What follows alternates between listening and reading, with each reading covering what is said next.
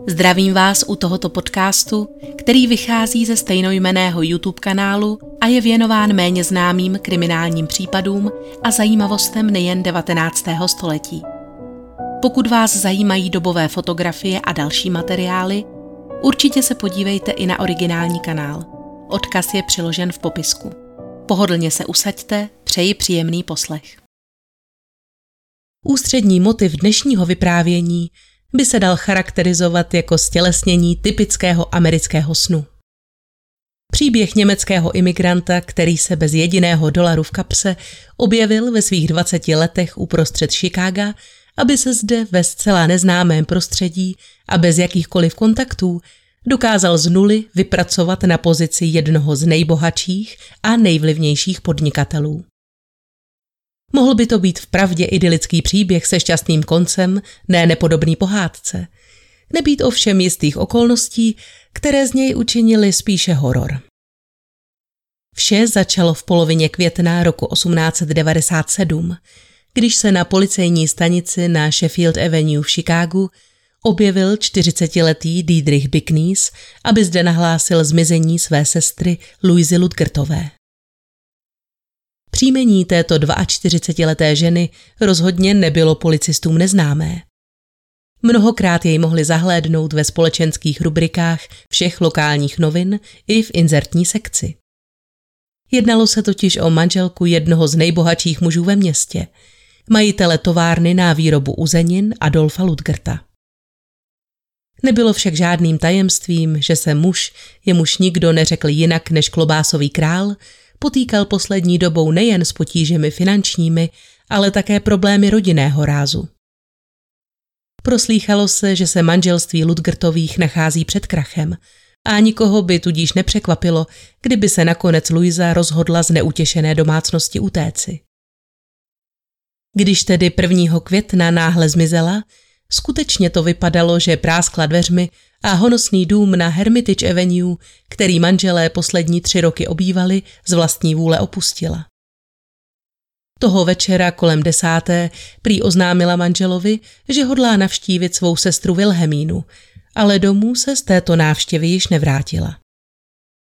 Tak se alespoň vyjádřil Adolf Ludgert, když manželčino zmizení líčil svým dvěma synům, dvanáctiletému Luizovi a pětiletému Elmrovi – a o týden později také jejímu bratrovi Diedrichovi.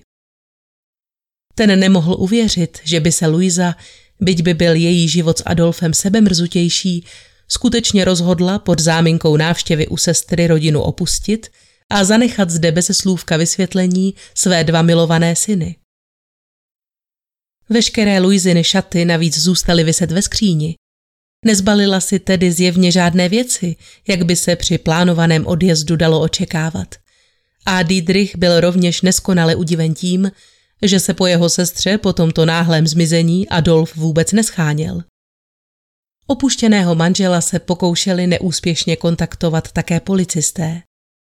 Na první výzvu se muž na policejní stanici vůbec nedostavil a kapitán Schutler, který byl vyšetřováním případu pověřen, byl tedy nucen vysledovat, kdy se továrník zdržuje doma, kde jej také konečně zastihl.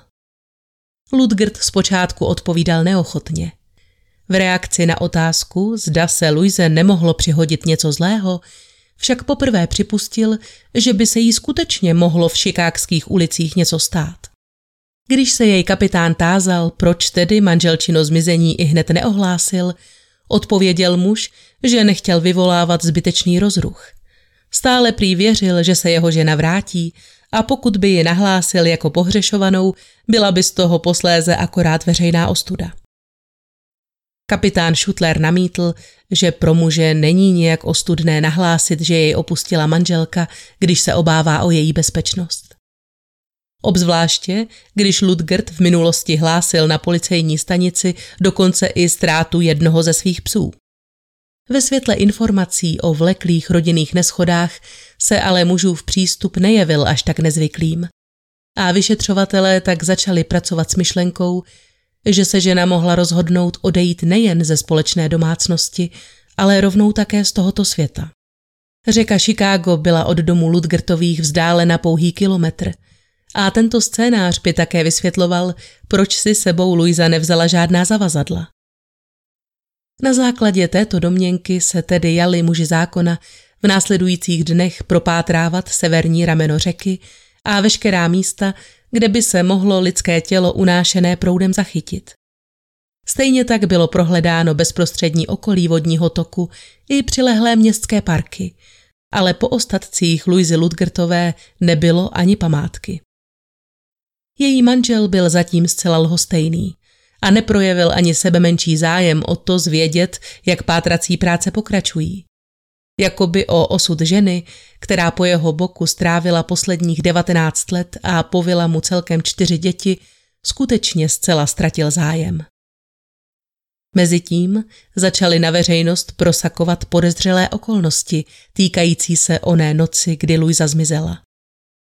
Několik sousedů jí totiž zahlédlo kolem půl jedenácté na ulici. Na sobě měla pouze lehký domácí plášť, přehozený přes hnědé šaty, na hlavě šátek a na nohou pantofle, jako by jen ve spěchu vyběhla z domu. Potud se vyprávění svědků shodovalo s manželovou výpovědí. Ten však opomenul zmínit jeden podstatný detail, totiž, že té noci svou ženu doprovázel.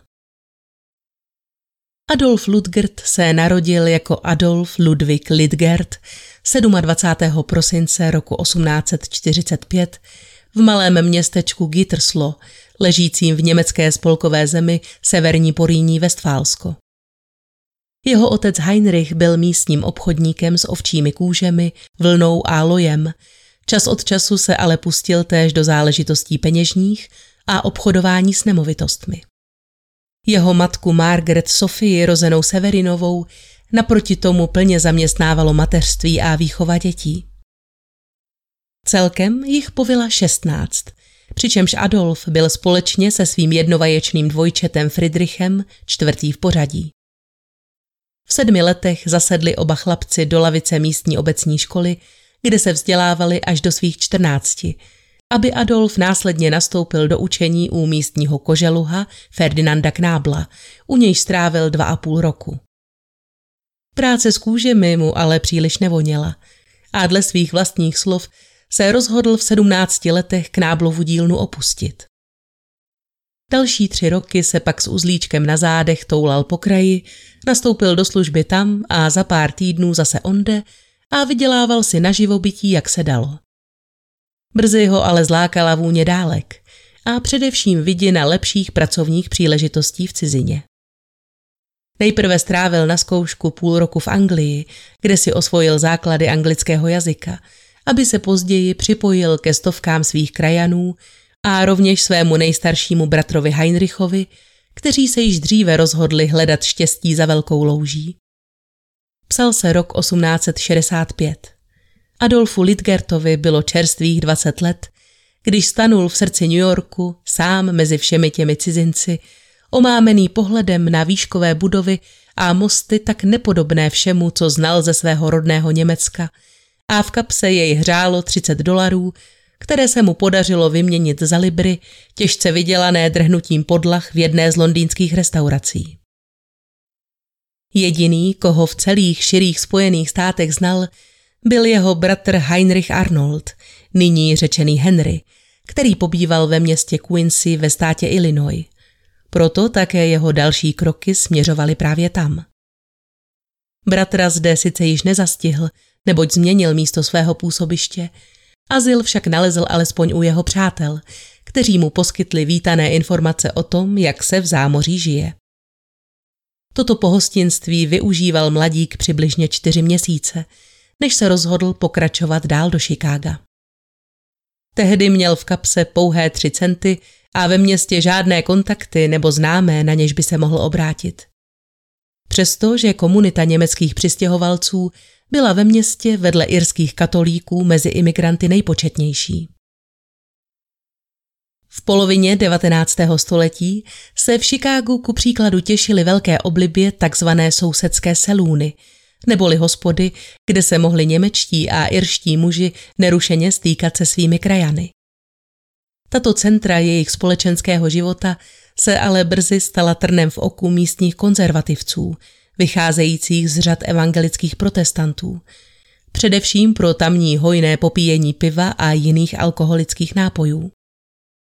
Němci totiž do Spojených států přivezli ze své domoviny nový typ lehčího ležáku, který si brzy získal oblibu i mezi starousedlíky. A roku 1847 byl v Chicagu otevřen první pivovar a pivnice německého typu.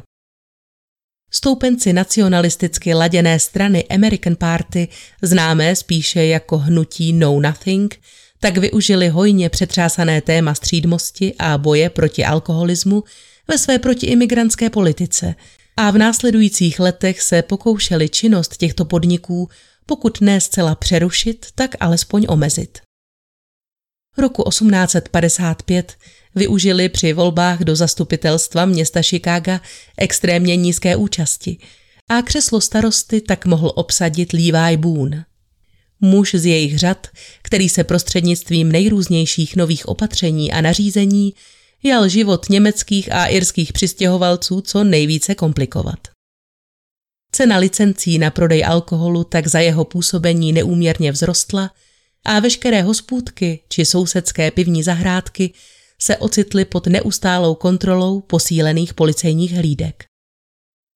Imigrační vlnu z nejrůznějších koutů Evropy, která se v té době na Spojené státy valila, se ale ani těmto iniciativám zastavit nepodařilo.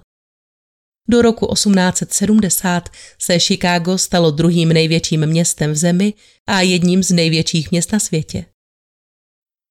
V období o něch 30 let do roku 1900 vzrostl počet místních obyvatel díky migraci z 299 tisíc na 1,7 milionu a Chicago se tak zařadilo mezi nejrychleji rostoucí města v historii. Byl to především rozvíjející se průmysl, který přistěhovalce tolik lákal. A rovněž oblast, v níž se rozhodl hledat své uplatnění také Adolf Lidgert, nyní po americku Ludgert. Ve městě bychom mohli v té době napočítat desítky továren na zpracování kůží. Přičemž mezi největší a nejznámější z nich patřila Union Hide and Leather Company.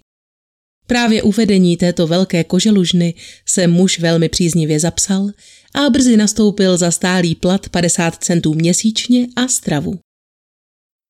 Kožidělný průmysl ale začal pozvolna stagnovat. Továrny se dostávaly do útlumu a na řadu přišlo nutné propouštění zaměstnanců. Od té doby prošel Adolf Ludgert ještě několika provozy, než zakotvil u firmy Engel Brothers, kde zůstal až do roku 1872. Během té doby se mu podařilo našetřit obstojnou sumičku, konkrétně 4 tisíce dolarů, které se měly stát základem jeho vlastního vysněného podnikání a vstupenkou ke svobodě. Hovoříme-li o svobodě, jednalo se čistě jen o tu finanční. Téhož roku se totiž Ludgert seznámil s dívkou jménem Caroline Repkeová, s níž také v Dubnu uzavřel svátost manželskou. K založení vlastního podniku jej tedy nyní nově motivovala také touha a potřeba zajistit plánovanou rodinu. Za 750 dolarů tedy zakoupil parcelu ve čtvrti nazývané místními Nicholsonville – na níž si nechal postavit menší domek a pln odhodlání se pustil do obchodování s lihovinami. Ačkoliv byl častým návštěvníkem místních imigrantských salůnů, sám žádný, kde by mohl své zboží nabízet, nevlastnil. Zakoupené likéry tedy prodával s přirážkou na rohu ulice a ve sklepě svého domu. Tento pouliční prodej se ukázal být natolik výnosným, že umožnil manželům přestěhovat se po čase na roh ulic Claiborne a Webster Avenue a pronajmout si zde velkorysé prostory pro provozování vlastní likérky a baru. Kromě přízemních místností určených pro obchod a výrobu disponovala nemovitost též pěti pokoji v prvním patře, které manželé Ludgertovi obývali. První rok sami, než přišel na svět malý Max, který však po 18 měsících života zemřel, a roku 1875 alespoň částečně zacelil ránu v jejich srdcích příchod syna Arnolda. Příliš dlouhému štěstí se ale rodina netěšila. Na podzim roku 1877 se Carolyn vážně roznemohla a 15. listopadu tiše zesnula. S dvouletým Arnoldem, kterého po sobě zanechala, si čerstvý vdovec, plně zaměstnaný provozem podniku, příliš starostí nedělal a takřka okamžitě jej svěřil do péče tchýně. Sám se mezi tím začal poohlížet po nové družce, která by jej mohla dále doprovázet na jeho životní cestě a počátkem roku 1878, tedy pouhé tři měsíce po Karolinině smrti, se tato snaha ukázala být úspěšnou. Tehdy se setkal s 23-letou krajankou Louisou Biknýsovou, která před šesti lety připlula do Spojených států společně se svým bratrem z Brém. Oba ale pocházeli z malé vesnice Landesbergen a díky společným kořenům a kultuře nalezla rychle dívka s o deset let starším podnikatelem společnou řeč. 18. ledna je v Chicagu oddal pastor Josef Hartmann a Luisa plynule zaujala místo paní domu v bytě nad manželovou likérkou. Tu i malý bar provozoval Ludgert úspěšně až do podzimu roku 1879, kdy obé za velmi slušnou částku ve výši deseti tisíc dolarů prodal a manželé se přestěhovali do řadového domku uprostřed bloku na West North Avenue. Konec jedné éry předznamenal také zásadní změnu v dalším Ludgertově podnikatelském směřování. To, když se rozhodl vyměnit dosavadní prodejní artikl v podobě alkoholu za uzeniny. A ty překvapivě přinášely do rodinné kasy ještě více peněz než lihoviny. Nejprve je prodával na trzích u zadního vchodu svého domu. Později mu tržby umožnili otevřít si zde vlastní prodejnu s malou výrobnou. Roku 1880 doplnila Ludgertovu spokojenost podnikatelských úspěchů též radost rodinná, když na svět přišla dcerka Luisa. Ta ale po necelém roce zemřela a její smrt zasáhla manžele natolik, že se na další tři roky snah o rozšíření rodiny zcela vzdali. Již v té době by se dal Adolf Ludgert označit za zámožného muže, který si mohl z peněz utržených z prodeje nemovitosti dovolit ku příkladu nejen honosný dům v centru Chicaga, ale také půvabnou farmu s 60 hektarovým pozemkem ležícím poblíž Elginu na severu Illinois, kterou nakonec také doopravdy zakoupil a kam se manželé z jara roku 1883 uchýlili, aby zde strávili léto. V tomto období byla totiž výrobna uzavřena a na pultech obchodu byly k dostání pouze takzvané zimní klobásy a párky. Důvodem bylo, že ani tak schopný podnikatel, jakým bezesporu Ludgert byl, nedokázal přijít na způsob, jak vyrábět uzenářské výrobky v horkých letních měsících, aniž by během přípravy nedošlo v daném objemu ke znehodnocení masa. Pakliže si tedy šikákští obyvatelé toužili v létě pochutnat na čerstvé klobásce, měli smůlu a byli nuceni počkat do zimy, kdy se výroba znovu rozeběhla naplno. Pokud by záleželo čistě jen na Adolfovi, on sám by na farmě u Elginu nejraději zůstal. Hektický profesní život jej zmáhal a klid v lůně přírody působil blahodárně na jeho nervy. Luisa o tom však nechtěla ani slyšet. Nebyla na farmě šťastná a apelovala na to, aby se raději opět udomácnili v Chicagu. Aby učinil manželčiným stížnostem přítrž a vyhověl jejímu přání, zakoupil Adolf stavební parcelu na rohu North a Sheffield Avenue a započal zde stavbu jejich nového rodinného sídla. Což ovšem znamenalo pro Luizu minimálně jeden další rok strávený na farmě, zatímco její manžel pro změnu trávil většinu času v Chicagu, kde dohlížel na zdárný průběh stavebních prací. Jedinou útěchou byla ženě v té době přítomnost jejího bratra Diedricha, jehož si Ludgert najal, aby se postaral o praktické záležitosti v hospodářství, a jeho syna z prvního manželství, v té době osmiletého Arnolda. Byl zde ovšem ještě někdo, o jehož přítomnosti neměla Luisa Ludgertová do posud tušení. Pozitivní vliv rurálního prostředí se totiž již stihl projevit rovněž na Adolfově milostném apetitu – a na podzim roku 1884 tak nosila žena pod srdcem dalšího potomka. Přišel na svět na farmě 2. června roku 85 a rodiče mu na počest zesnulé dcerky dali jméno Louis. Ačkoliv se Adolf za rodinou pravidelně vracel a v době krátce po synově narození zde trávil celé týdny, povinnosti jej stále z větší části poutali ve městě. A když právě Diedrich s malým Arnoldem pracovali na pozemcích, bývala Luisa s novorozenětem celé hodiny v domě sama. Jednoho takového dne však došlo k události, po níž pobyt na farmě zhořkl již definitivně. Do hlavní budovy tehdy pronikl neznámý muž divokého vzezření, který začal paní Ludgertovou obtěžovat a pronásledovat ji po celém domě. Bratr naštěstí přispěchal k smrti vyděšené ženě na pomoc a nezvaného návštěvníka spacifikoval. Nepříjemný pocit z této konfrontace ale přetrvával.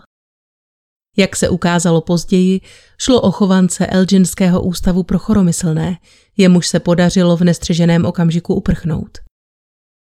Po této zkušenosti nemínila již Luisa v obavách o život malého synka se trvat na farmě již ani vteřinu, a to i přesto, že Adolf investoval další 4 tisíce dolarů do jejího zabezpečení. Koncem léta roku 1886 se tedy rodina vrátila zpět do Chicaga, kde se stavba jejich nového domu s provozovnou v přízemí již pomalu chýlila ke konci. Ani zde ale nebyla paní Ludgertová příliš šťastná. Všudy přítomný zápach kouře a uzeného masa z manželovy výrobny byl totiž natolik štiplavý a silný, že textilie v domácnosti ve třetím patře, kterou manželé obývali, jim byly brzy zcela nasáklé. A tento nepříjemný odér nepůsobil příliš dobře ani na návštěvy, které Luisa ve svém salonu často ráda vítala. V té době, tedy na podzim roku 1887, navíc znovu přišla do jiného stavu a nepříjemné pachy se tak staly o to intenzivnějšími. Její postoj vůči manželově výrobně se ale nezměnil ani po narození dcerky Elzí, která se ovšem, stejně jako prvorozená Luisa, nakazila dětskou cholerou a po pouhém roce života 28. srpna 1889 zemřela. Po tomto dalším úmrtí zahalil domácnost Ludgertových znovu temný závoj smutku a beznaděje. Aby rozptýlil manželčiny chmury, rozhodl se Adolf výjít vstříc jejímu požadavku i tentokrát a na jaře roku 1891 pro ní zakoupil parcelu s menším domem a udržovaným trávníkem na House Street, tedy dostatečně daleko od vtíravého pachu svých uzenin. Odtud tedy i nadále dojížděl do malé továrničky na rohu North a Sheffield Avenue. Její kapacity však brzy přestaly dostačovat jeho potřebám. Poptávka po Ludgertových klobásách a párcích mezi obyvateli města stále vzrůstala a bylo jasné, že dříve či později bude zapotřebí přesunout výrobu do větších prostor. Během posledních šesti let se manželům podařilo tvrdou prací a vrozenou skromností naspořit celkem 80 tisíc dolarů, které byl Adolf Ludgert odhodlán celé investovat do svého záměru. Jeho představy ohledně velikosti tohoto nového podniku se však od těch manželčiných zásadním způsobem lišily. Podnikatel si v myšlenkách hýčkal vizi šestipatrové budovy, k níž by vedly železniční koleje a uzeniny tak mohly být rovnou nakládány do vozů a rozváženy prostřednictvím železnice po celých Spojených státech. Továrny tak velké, že by dokázala konkurovat i do posud největšímu výrobci uzenin společnosti Armors. Luisa naproti tomu horovala za to, aby manžel odložil na stavbu nové továrny pouhých 40 tisíc a zbytek investoval do jiných projektů. Její obavy o budoucnost patrně umocnilo také zjištění, že je v očekávání dalšího potomka – a daleko raději, než v tomto riskantním podniku, by tedy viděla tyto peníze na společném rodinném účtu. V té době 47-letý Adolf si ale nenechal v tomto ohledu do svých záležitostí mluvit. Pouhého půl roku po narození syna Elmra, tedy koncem roku 1892, tak i navzdory hlasitým manželčiným protestům zakoupil nový, rozlehlejší pozemek na rohu ulic Diversy a Hermitage. Tím položil první základy Ludgertova klobásového impéria LA Ludgert Sausage and Packing Company, tak jak jej známe z dobových pohlednic a reklamních letáků. Obrovská šestipatrová budova, věnovaná výhradně a pouze produkci uzenin. Místo jehož branami projížděly denně stovky nákladních aut, rozvážejících tuny klobás po celých Spojených státech a jímž, jak šikákští obyvatelé neochvějně věřili, protékalo největší množství peněz v celém městě. Bohatství Adolfa Ludgerta bylo pro místní natolik poutavým tématem, že se nezdráhali vytvářet si ohledně něj ty nejdivočejší představy. Na ulicích i v obchodech se tak vděčným tématem rozhovorů stávaly uzenářovi příjmy a jeho němečtí krajané s přídechem závisti v hlase rádi zmiňovali, že má uzenářský magnát tolik peněz, že už neví, co s nimi. Ne nadarmo jej také jeho největší konkurenti začali nazývat klobásovým králem. Nutno ovšem dodat, že Ludgert investoval do stavby této továrny každý jediný cent, který měl. Kvůli koupi pozemku byl nucen prodat veškeré své další nemovitosti, včetně domu na House Street, a že si na její dostavbu musel vzít úvěr. Pro zajímavost jen pouhá stavební parcela vyšla obchodníka na 30 tisíc dolarů a výstavba nové budovy továrny na dalších 140 což činí při současné hodnotě dolaru a po konverzi na české koruny přibližně 130 milionů. Po dobu stavebních prací, které probíhaly téměř dva roky, pak přebývali manželé v menším pronajatém domku na Church Street, odkud se, jakmile byla nová tovární budova dokončena, přestěhovali do luxusního domu ležícího nedaleko, tedy na Hermitage Avenue. Finanční ztráty způsobené tímto olbřímým projektem se pokoušeli alespoň částečně mírnit prostřednictvím nájemného, které museli zaměstnanci, toužili-li být ubytováni přímo v hlavní továrenské budově, odvádět. Nebylo to ovšem zapotřebí. Továrna si na sebe vydělávala tak mocně, že během jediného roku přinesla do rodinné pokladny 75 tisíc dolarů. Nové velkorysé prostory pojali desítky moderních strojů a malé byty v horních patrech stovky nových pracovníků, kteří se v potu tváře podíleli každý den na neustálém rozšiřování výroby. I přesto, že zisky utěšeně stoupaly, nepřestala paní Ludgertová svému muži nikdy vyčítat, že vložil veškeré své úspory do této stavby, namísto toho, aby si ponechal železnou rezervu. Mezi zaměstnanci byla známá jako tichá, spořivá, asketická žena, která vstává časně z rána a chodí pozdě spát, aniž by si kdy byt jen na okamžik dopřála úlevy či sebe menších světských radostí. Mnozí věřili, že je to právě její schánčlivost a umírněnost, které umožnily manželovi po jejím boku realizovat všechny tyto smělé plány. Luisa Ludgertová byla snaživou manželkou a dobrou matkou jak svému nevlastnímu synovi, v té době již dospělému 22-letému Arnoldovi, tak svým dvěma chlapcům, 12-letému Luizovi a 5-letému Elmrovi. Továrna se ostatně stala útočištěm i dalších členů její rodiny.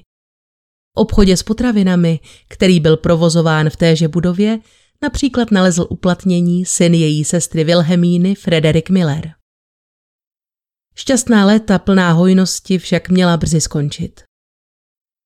Čím bohatší Adolf Ludgert byl, tím častěji se nechal zlákat k tomu, aby si ten opasek přece jen trochu povolil. Začal se náhle pohybovat v jiné, pro něj dosud zcela neznámé společnosti, tvořené vlivnými muži, kteří sami holdovali hedonistickému způsobu života a svému příteli v upouštění od dosavadní šetrnosti a askeze milé rádi pomohli. V následujících letech byl tak podnikatel stále častěji výdán na dostizích, v hernách či jiných podnicích zábavového charakteru, kde utrácel své poctivě vydělané peníze plnými hrstmi. Tento Adolfův nový rozmařilý životní styl se pochopitelně brzy stal předmětem manželských neschod a konfliktů. Prodeje navíc začaly pomalu, ale jistě klesat a továrna přestala generovat tak oslňující zisky jako na počátku. Zdálo se, že talentovaný muž s dobrým nosem na obchod v tomto případě přece jen přestřelil a s takto velkou výrobou si ukousl příliš velké sousto. Roztrpčená Luisa spílala manželovi tak často a tak hlasitě, že mu nakonec nezbylo, než zbalit si svých pár kufrů a odstěhovat se do továrny, kde si zřídil ložnici v jedné ze svých kanceláří.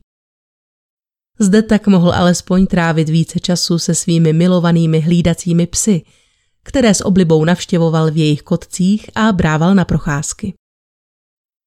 Mezi lidmi žijícími v sousedství továrny tak byl tento neobvyklý výjev dobře znám.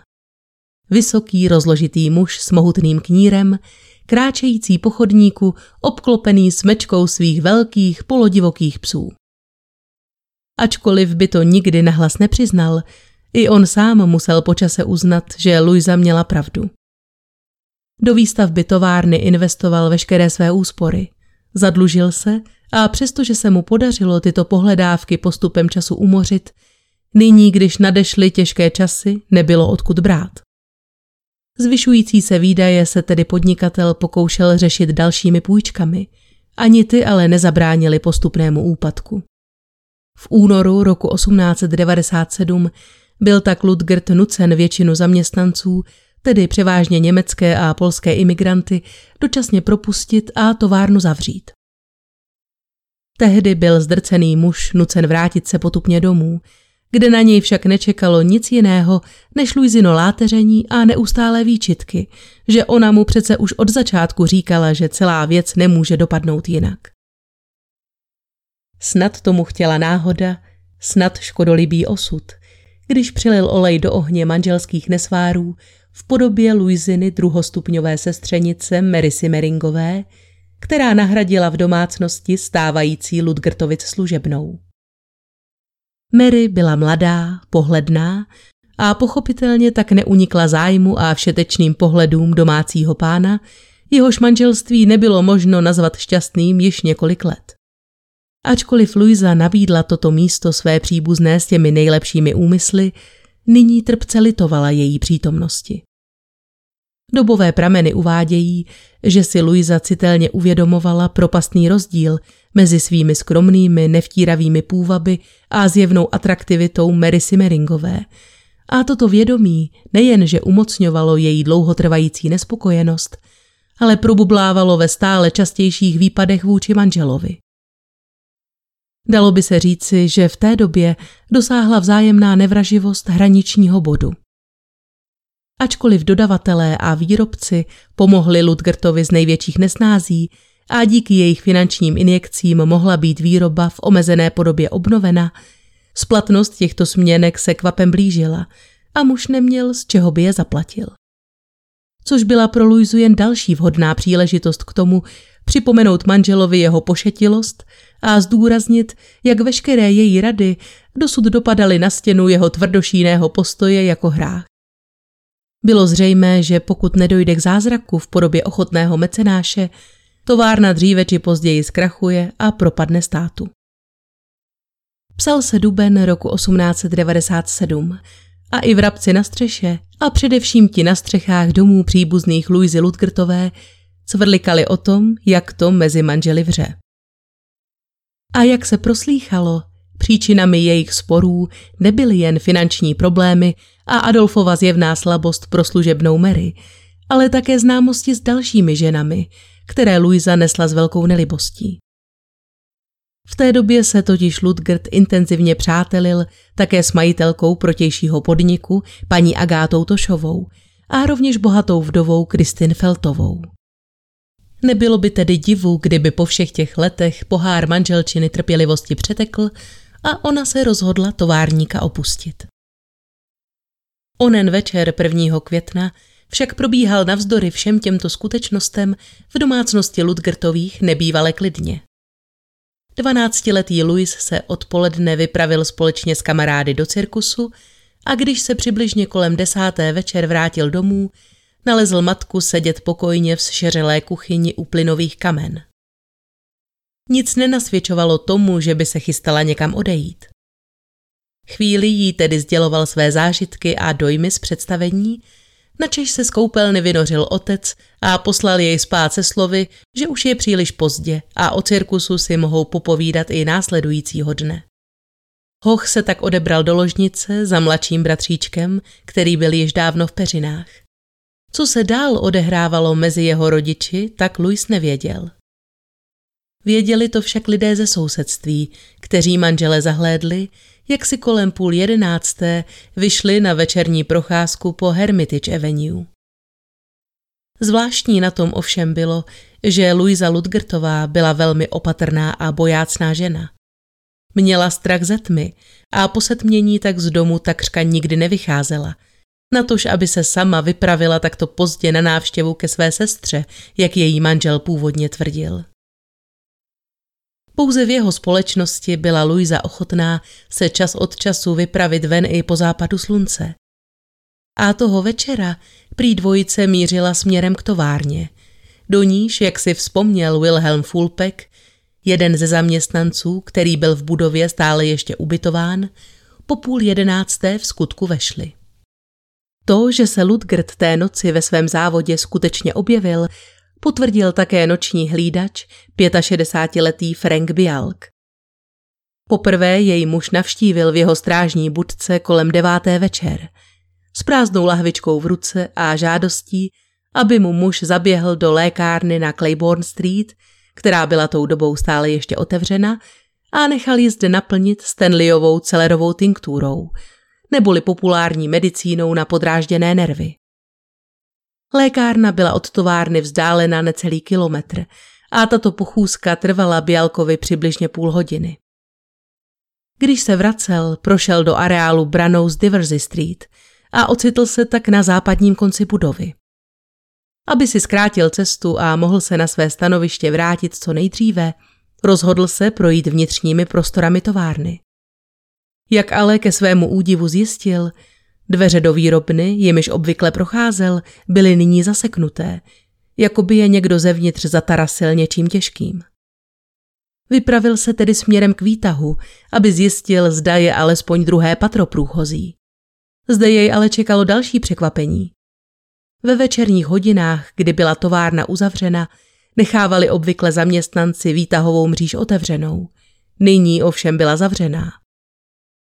Tehdy se od někud z útrop budovy zjevila hřmotná postava Adolfa Ludgerta. Muž si od hlídače převzal objednanou tinkturu a zjevně spokojen mu umožnil vrátit se na své místo. O necelou půl hodinu později, tedy po desáté, jej ale oslovil znovu s další prozbou. Tentokrát šlo o láhev od zažívací minerální vody huňády, kterou měl hlídač nechat v lékárně naplnit. Frank Bialk nebyl mužem oplývajícím příliš briskním intelektem. Minimálně ne natolik, aby si uvědomil, že se jej zaměstnavatel pokouší z továrny vystrnadit a lékárna bude tou dobou již zavřená. Byl to ovšem pracovník přičinlivý a poctivý a neprodleně se tedy vypravil splnit i druhý Ludgertův požadavek. Jak se dalo předpokládat, lékárník měl již zavřeno. Muž však odejít s nepořízenou nemínil. Nakonec se mu podařilo zaměstnance, který se ještě zdržoval v zadní části obchodu, zburcovat a přimět jej, aby mu láhev přece jen naplnil. Tato výprava mu tedy zabrala přibližně tři čtvrtě hodiny. Ludgert na něj již čekal u výtahu stejně jako prvé, spokojený, že strážný jeho pochůzku vyřídil. Doba hlídačovy nepřítomnosti se tak přesně shodovala s časovým údajem, který uvedl Wilhelm Fulpek jako ten, kdy zahlédl Luizu Ludgertovou, jak vchází do továrny. Když se inspektor tázal strážného, co jeho zaměstnavatel poté v budově dělal, odvětil Bialk, že se zdržoval ve sklepní části, kde se nacházely stroje na mletí masa a dle hluku, který během svých obchůzek zaslechl, je továrník musel nechat běžet až do časných ranních hodin. Že by si manželé přišli hodinu před půlnocí do továrny vyrobit pár čerstvých klobásek na chuť nebylo příliš pravděpodobné. Co tam tedy dělali a kam se poděla paní Ludgertová?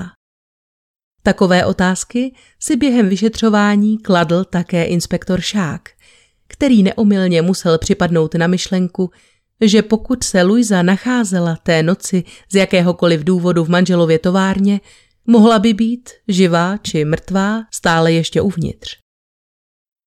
V sobotu ráno, dva týdny po zmizení 42-leté ženy, se tak inspektor Šák, kapitán Šutler, strážníci Dean, Quayle a Kinder vypravili do opuštěné šestipatrové budovy, kde je strážný neochvějně zavedl do sklepa ke stroji a kádím na mleté maso, u nichž se Ludgert tu noc pohyboval.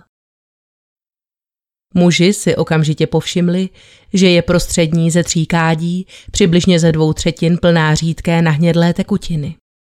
Když dovnitř inspektor Šák ponořil ruku, nahmatal množství drobných kousků čehosi tvrdého. Část této látky tedy nabral do několika připravených lahví a společně s ostatními rozprostřel pod kádí prázdné pytle, aby se v nich ony malé částečky zachytily, jakmile se tekutina vypustí. Poté, co byla velká zátka konečně vytažena, z odtoku začaly přímo příštit malé bílé kousky, které, jak si zkušený policista povšiml, až nápadně připomínaly rozdrcené lidské zuby. Další nález byl učiněn v rosolovité hmotě, usazené na dně i stěnách vypuštěné kádě, v níž uvázly dva kulaté předměty. Když je strážník Dean vzal a očistil od nahnědlé matérie, poznal, že jsou to prsteny. Jeden jednoduchý zlatý kroužek z 18-karátového zlata a druhý o něco tenčí prsten z méně kvalitního materiálu. Ten byl na rozdíl od toho prvního evidentně skorodovaný a poznamenaný chemikálí, v níž byl již delší dobu ponořen. Uvnitř hodnotnějšího prstenu, který byl pravděpodobně snubní, byla vygravírována písmena LL. To ale nebylo vše. V ohništi pod udírnou byly mezi zuhelnatělými zbytky klobás, které jsem někdo zřejmě později pohodil k zamaskování své činnosti, nalezeny drobné úlomky kostí. Následné výslechy zaměstnanců pak odhalily další skutečnosti týkající se oné inkriminované noci. Když se pánové Ordovsky a Levandovsky dostavili v pondělí ráno do práce, stroje a kádě, které v sobotu pečlivě vyčistili, byly plné zbytků masa a kostí. Potom, co se mohlo ve výrobně během jejich nepřítomnosti odehrát, se nijak nepídili. Na zaměstnavatelův příkaz stroje zkrátka vyčistili a veškeré zbytky spálili či zakopali v okolí továrny. Stejně jako popel z ohniště, který jeden ze zaměstnanců na Ludgertův pokyn schrabal a později vysypal na opuštěné parcele v téže ulici, kam místní s oblibou vyhazovali odpadky. Toto místo také označil policistům, kteří zde ke svému obrovskému štěstí tuto hromádku popela skutečně nalezli a co víc, vytáhli z ní tři ocelové korzetové kostice s černalé žárem. Obraz, který všechny tyto nalezené důkazy společně utvářely, byl hrozivý a dalece přesahoval i ty nejmorbidnější představy vyšetřovatelů. Ať už se té noci ze soboty na neděli odehrálo v továrně cokoliv, někdo se evidentně pokoušel zbavit všech důkazů tohoto činu. Příliš pečlivý ale v tomto svém počínání nebyl. Byly tu hned dva předměty, které by bylo možno přímo spojit s osobou pohřešované Luizy Ludgertové, tedy ony dva nalezené prsteny. Nejprve ale bylo nutno předložit je k identifikaci lidem, kteří dotyčnou dobře znali. Několik dam z jejího okolí potvrdilo, že podnikatelova žena skutečně nosila pouze dva podobné prsteny. Důvěrná Luizina přítelkyně, paní Harrisová, pak uvedla, že spolu ženy při jedné příležitosti žertovali o snubních prstenech. Tehdy si paní Ludgertová stáhla ten svůj z prstu a žena tak mohla na jeho vnitřní straně zahlédnout rytinu dvojitého písmene L. Nyní, když jí policisté předložili šperk k identifikaci, odhodlaně prohlásila, že to je rozhodně on. Tuto skutečnost potvrdil i nejhodnověrnější svědek, syn Ludgertových, 12-letý Louis, který zmínil, jak si maminka v poslední době stěžovala, že se jí rozšířily klouby, bylo pro ně čím dál obtížnější prsteny na noc sundávat a tak je nosila nepřetržitě. Další stopou, která mohla vést k osobě pohřešované ženy, byly úlomky zubů nalezené v kádi, které, jak se ukázalo, pocházely z chrupu umělého a Luisa Ludkertová měla skutečně horní zuby z větší části falešné. Na základě těchto zjištění byl tedy 52-letý podnikatel ke své velké nelibosti okamžitě zatčen a umístěn do vyšetřovací vazby. Odmítal však byť i sebe menší náznaky, že by mohl mít s manželčinou smrtí cokoliv společného. Prohlásil nyní, že si je téměř stoprocentně jist, že jeho žena uprchla s jiným mužem. Proto se také zprvu zdráhal její zmizení nahlásit. Nyní však nemá jiné volby. Rovněž vyjádřil přesvědčení, že jakmile se Luisa objeví živá a zdravá, vše se vysvětlí a toto nesmyslné obvinění bude staženo. Vysvětlit, jak se manželčiny prsteny dostali do kádě na mleté maso, ale nedokázal. Stejně jako zdůvodnit, jak se ve výrobních prostorách továrny na uzeniny ocitly úlomky něčí zubní protézy. Otázkou také zůstávalo, jak se manželovi, pakliže skutečně vraždil, podařilo zbavit až na tyto drobné zbytky manželčiných ostatků a jaký k tomu měl vlastně motiv. Odpověď na první z nich přinesla chemická analýza tekutiny, kterou policisté odebrali z inkriminované kádě.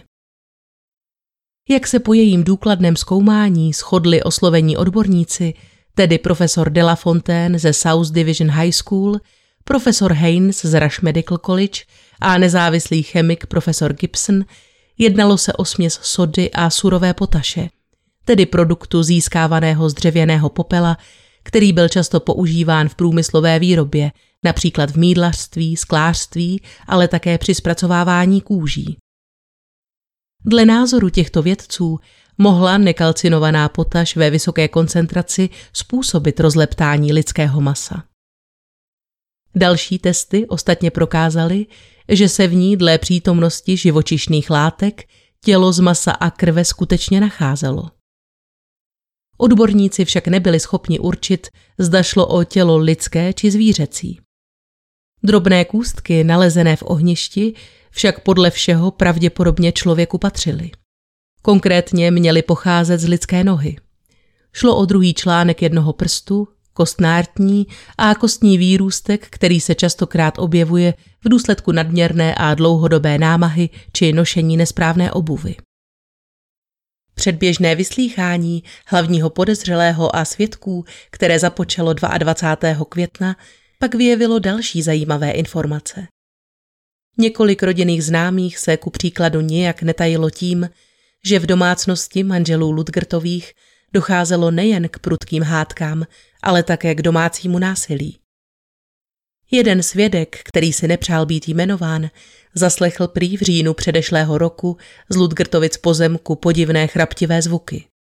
Když nahlédl přes plot, zjistil ke své hrůze, že ten rozložitý mužský svou drobnou útlou manželku rdousí. Teprve až když se tento kolem jdoucí do incidentu vložil, muž schladl a ženu pustil. Luisa prý tehdy vzkřikla, že i kdyby ji zabil, stejně by z toho neměl vůbec nic, protože ona nemá na rozdíl od té druhé žádné peníze. Tou druhou měla zřejmě na mysli Madame Feltovou, bohatou vdovu, s níž Adolf trávil v poslední době více času, než by bylo záhodno. Tato dáma během své výpovědi uvedla, že se muž v její společnosti skutečně několikrát zmínil o tom, že by bylo lepší, kdyby byla jeho zákonitá žena mrtvá. Tato slova byla samozřejmě pronesena pouze jako projev lítosti nad tím, že nepoznal paní Feltovou dříve a nyní se jí, vázán manželským slibem, nemohl oficiálně dvořit. Oč by bylo jednodušší, kdyby tato překážka v podobě nepohodlné manželky zmizela.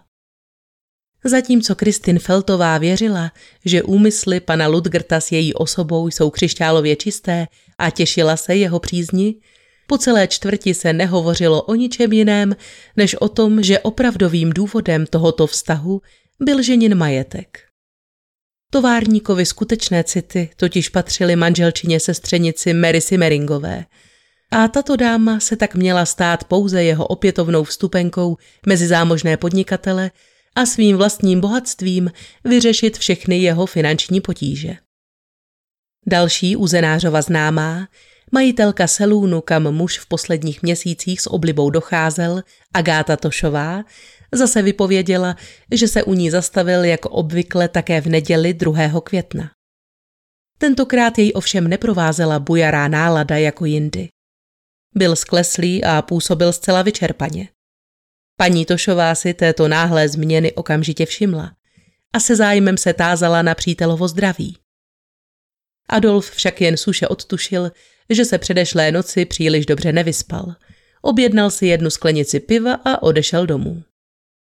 O pár dní později, tedy krátce poté, co započalo vyšetřování zmizení jeho ženy, se ale v pivnici objevil znovu a ještě rozladěnější než prve. Doslechl se totiž, že uvnitř sedí jeho známý Charlie Médr, který měl údajně něco zahlédnout a nyní si ochotně pouští pusu na špacír. Nebylo toho mnoho. V noci ze soboty na neděli si pouze všiml, jak se z komínů Ludgertovy továrny valí hustý dým.